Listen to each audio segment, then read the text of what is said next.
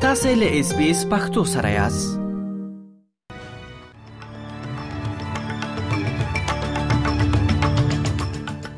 د خبرونو سرټکی د فدرالي محکمې یو پریکړه دا وموندل چې د زینو استرالي رسنیو هغه راپورونه چې د استرالیا ځانګړو ځواکونو لوړ رتبه په خواني سرتیری بن رابرټس سمیت په افغانستان کې جنگي جنایتونه کړې دي دا د پام وړ رښتیا وبلل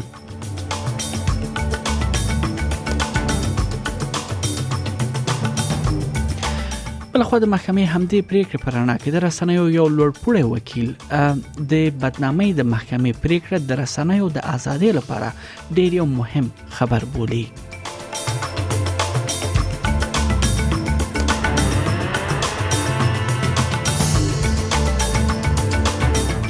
همدې پیښې اړوند د استرالیا لومړي وزیر انټونی البنيزي ویل دي حکومت یې ژمن دی چې په افغانستان کې د استرالیا د دفاعي ځواکونو لخوا د جنگي جرمونو په اړه د یو راپور لمخې سپارښتنې ټول عملي کړي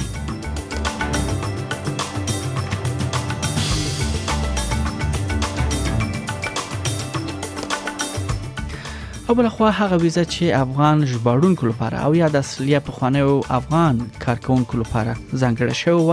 هغه به راتلونکي کال می میاشت څخه لغوه شي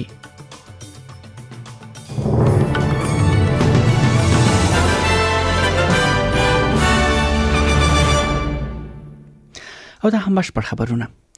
د استرالیا د فدرالي محکمې یو پریکړه دا وموندله چې د زینو استرالی رسنیو هغه راپورونه چې د استرالیا ځنګړو ځواکونو یو لوړ رتبه پخوانی سرتیری بن رابرټس سمیت په اړه باندې لیکل شوی چې نوموړي په افغانستان کې جنگي جنایتونه تر سره کړی دي دا د پام وړ رښتیا وو د قاضي انټوني بیسانکو لخوا دا حکم د استرالیا په تاریخ کې د بدنامۍ یا ډیفیمیشن تر ټولو لوړ ارزښت لرونکي او قیمتي قضیه دا چې پای ته ورسیده درې سلوي کلن رابرټس سمیت په 2013 کال کې د یو لړ راپورونو لکبله چې د ایج سیدنی مارنینګ هیلرز او د کیمبرا ټایمز باندې تور پورې کړ چې خبرونو یا په دغه خبرو شو رپورټونو کې نوموړي بدنامي شوې ده او د بیګون او د بیګونه افغانان نه دی وژلي د غوي پر وړاندې محکمې ته قضیه وړاندې کړه په دغه رپورټونو کې هغه پیښې هم شامل وي چې جګړې پر مهال نوموړي په بیوسلي بنديانو په وژنه باندې د نورو سرتیرو زورول او د ملکی افغانانو په زورولو کې د ښکیل بل شوی وو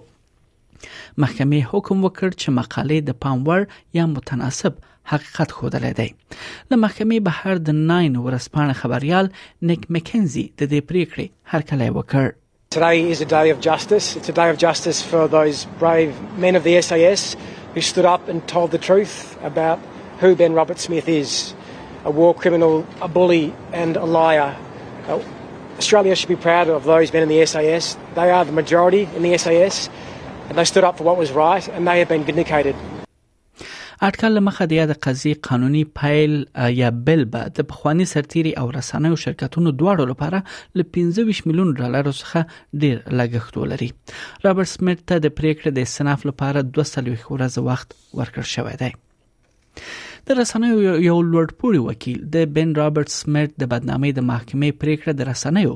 د ازادۍ لپاره خورا مهم بللی دی پروفیسور ډیوډ رالف اس بي اس ته وویل چې د استرالیا د بدنامۍ یا ډیفیمیشن قوانین د مدعیانو ګټه لپاره خورا شهرت لري چې بیا رسنیو لپاره ډیر ستونزمن کوي چې د بدنامۍ په قضیو کې بریالي شي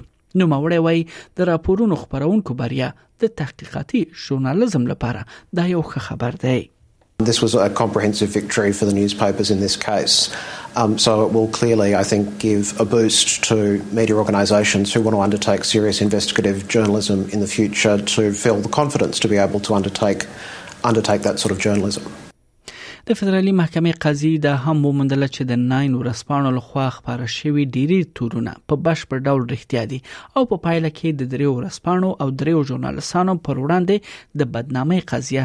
لغوه کړه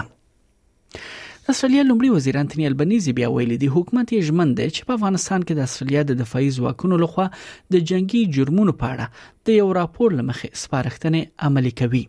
دا په داس حال کې ده چې د پنځشنبه په ورځ استرالیا مشهور سرتیری بن رابرټ سمیت د دریو ورځپاڼو او ژورنالیستانو پر ضد خپل بدنامي دوسیه وبایلله لومړي وزیر په سنگاپور کې په یو خبري کانفرنس کې د ملکی کړنو په اړه لسه ویلو ډاره وکړه خو وی ویل چې حکومت یې په افغانستان کې د استرالیا د دفاعي ځواکونو په اړه د 2020 کال راپور سپارښتنو پلي کولو ته ژمن دی بلخوا د استرالیا د حکومت اپوزیسیون مشر پیټر ډاټن وایي چې د جنگي تجربه لرونکي بیت رابرټ سمیت پر وړاندې د محکمې پریکړه د هیواد لپاره یو سخت ورځ بولی نو موري وایي د باور لري چې د استرالیا په دفاعي ځواک دننه کلچر کې د پاموړ بدلون راغلی دی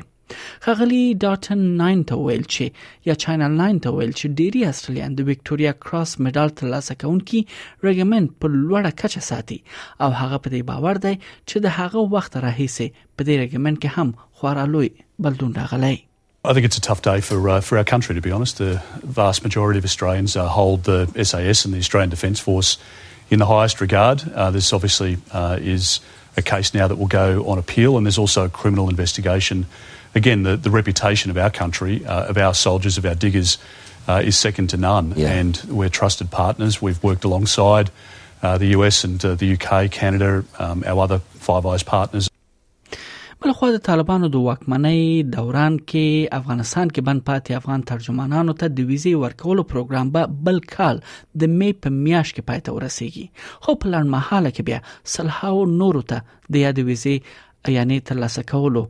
حق ورکړ شوی دی او ویل دا ویل شوی دی چې دوی مستحق دي په سیمه ایزه توګه هغه افغانانو ته چې د استرالیا له سرتیرو سره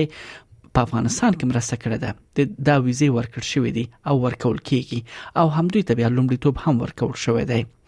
مګر یوې خپلواکې بیا کتنې وموندله چې دا د ضعیف ریکارډ ساتلو او په دې کې د تشو لامل خن د دې باعث شوی دی چې دا وموندل شي چې څوک د غویزو لپاره وړ دي لړ شوي غوښتونکي به وکولای شي چې د نومبر څخه مخکې بیا غوښتنه وکړي او افغان امنیتي ساتونکي به اوس د دې پروګرام لپاره هم وړ وي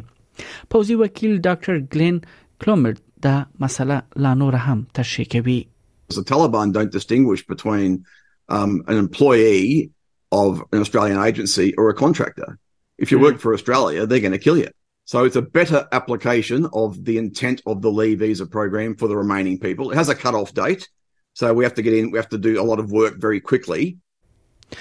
بلخوا هند کې چارواکي وایي د هند په ختیځ اودیشا ایالت کې د دوو مسافر وړونکو اورګاډو د ټکر لامل لګ تر لګه 230 کسان وژل شوې دي او 900 نور ټپيان شوې دي د راپورونو لمخې دغه مسافر وړونکي اورګاډي سره ټکر شوې دي او له پټلۍ څخه وتلې دي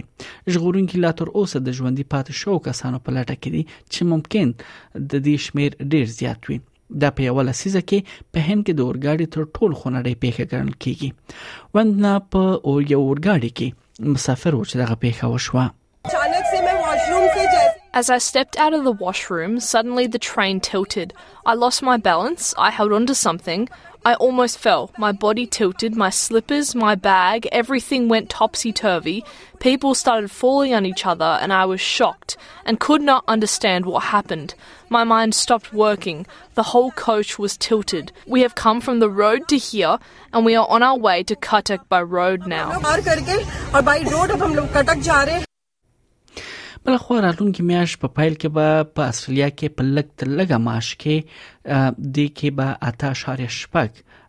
دغه ډیروالی راشي دغه پریکړه د ډیرو کارمندانو لخوا سیل شوې ده ول بیا هم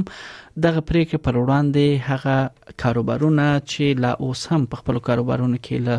ګڼو سن سره مخ دي هغه بیا خپل دریز بل رنګ څرګند کړی دی For individual small businesses, there are things we did in the budget. Uh, there, there's some targeted energy relief. There's in the budget. You've got what we've done with the uh, the tax write-off as well for at, for assets. There's things that we've done that are really good for small business in the budget. But of all the different pressures that are on business, and you know, they've got pressures with energy, they've got pressures with supply chains, there's a whole lot of pressures that are there.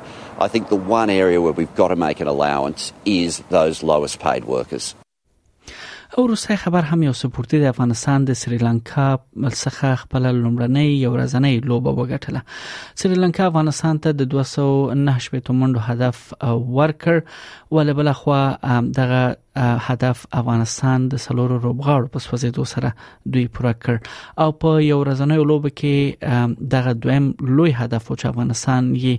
په ترلاسه په ترلاسه کولو کې د بریالي شوې ده د تریو لوب د لوب لوب لړۍ په دې لومړی بریا کې د ابراهیم زدران او رحمت شاه زرمتی ونده لورایا د جواتوا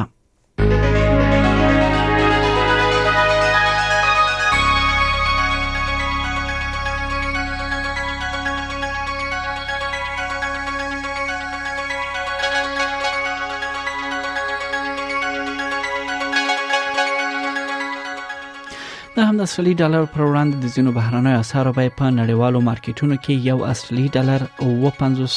او بخې یو اصلي ډالر 0.8 امریکایي سنت 0.18 یورو سنت یو اصلي ډالر و 50.8 افغاني روپی یو سل نه هتیا پاکستاني روپی یو اصلي ډالر 0.3 هندۍ روپی 2.3 اماراتي درهم او یو اصلي ډالر 0.3 انګلیسي پنسه ارزښت لري د هم د سوریه د ځینو ښارونو نن لپاره د تودوخې تر ټولو لوړه درجه هغه هم د سانتیګریډ په کچه په سلنی کې هوا لمریزه ده لوړه درجه 22 سانتیګریډ اټکل شوې ده په ملبن کې هوا باراني 14 په برزبن کې اسمان برګ دی 25 په پرت کې هوا لمریزه ده اتلس په اډلیډ کې اسمان برګ درویش په هوبرټ کې اسمان برګ دی 14 په کمبيرا کې اسمان برګ 19 او په اخر کې داروین هلته هوا لمریزه ده